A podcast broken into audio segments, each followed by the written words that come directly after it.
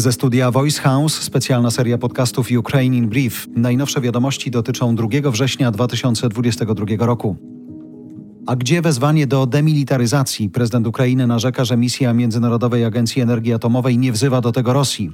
Zrobiliśmy wszystko, żeby misja miała dostęp do elektrowni jądrowej w Zaporożu, ale nie usłyszeliśmy jeszcze najważniejszej rzeczy apelu do Rosji o wycofanie wojska, mówi Zełęński. Największa w Europie elektrownia jądrowa ma sześć reaktorów, tylko dwa działają. Na miejscu sytuację zaczęła kontrolować misja Międzynarodowej Agencji Energii Atomowej. Eksperci mają tam być jeszcze przez kilkadziesiąt godzin. Elektrownia jest zajęta przez wojska rosyjskie od początku wojny. Amerykański Instytut Studiów nad Wojną sugeruje, że Putin przesunął termin na zajęcie obwodu donieckiego z końca sierpnia na połowę września. Amerykanie sugerują jednak, że nawet w tym wydłużonym czasie rosyjskie wojsko nie będzie w stanie tego osiągnąć.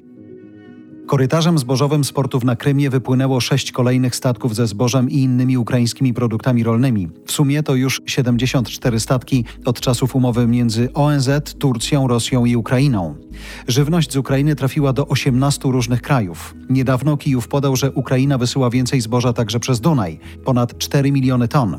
Z ukraińskich portów morskich w ostatnich tygodniach wypłynęło w sumie ponad milion ton żywności. Rząd w Kijowie apeluje do rodziców przebywających na tymczasowo okupowanych terytoriach, żeby nie wysyłali dzieci do lokalnych szkół. Zaleca zapisanie dziecka do jednej z ukraińskich szkół internetowych albo ewakuację. Ukraina boi się rosyjskiej indoktrynacji. Nauczyciele, którzy zgodzili się uczyć według rosyjskich programów, naruszają prawa Ukrainy i będą uznawani za kolaborantów, przypomina rząd w Kijowie. Z powodu rosyjskiej agresji pracę straciło 30% mieszkańców Ukrainy. To badanie portalu Work.ua. 27% Ukraińców nie odczuło wpływu wojny na swoje zatrudnienie. Poziom wynagrodzenia obniżył się u połowy pracujących mieszkańców Ukrainy. Jedynie u 3% pensja jest wyższa. Szwedzki producent sprzętu AGD Electrolux wychodzi z Rosji. Biznes będzie sprzedany lokalnym szefom. To było Ukraine in Brief od Voice House. Kierownictwo produkcji Dorota Żurkowska. Redakcja Agnieszka Szypielewicz. Dystrybucja Olga Michałowska.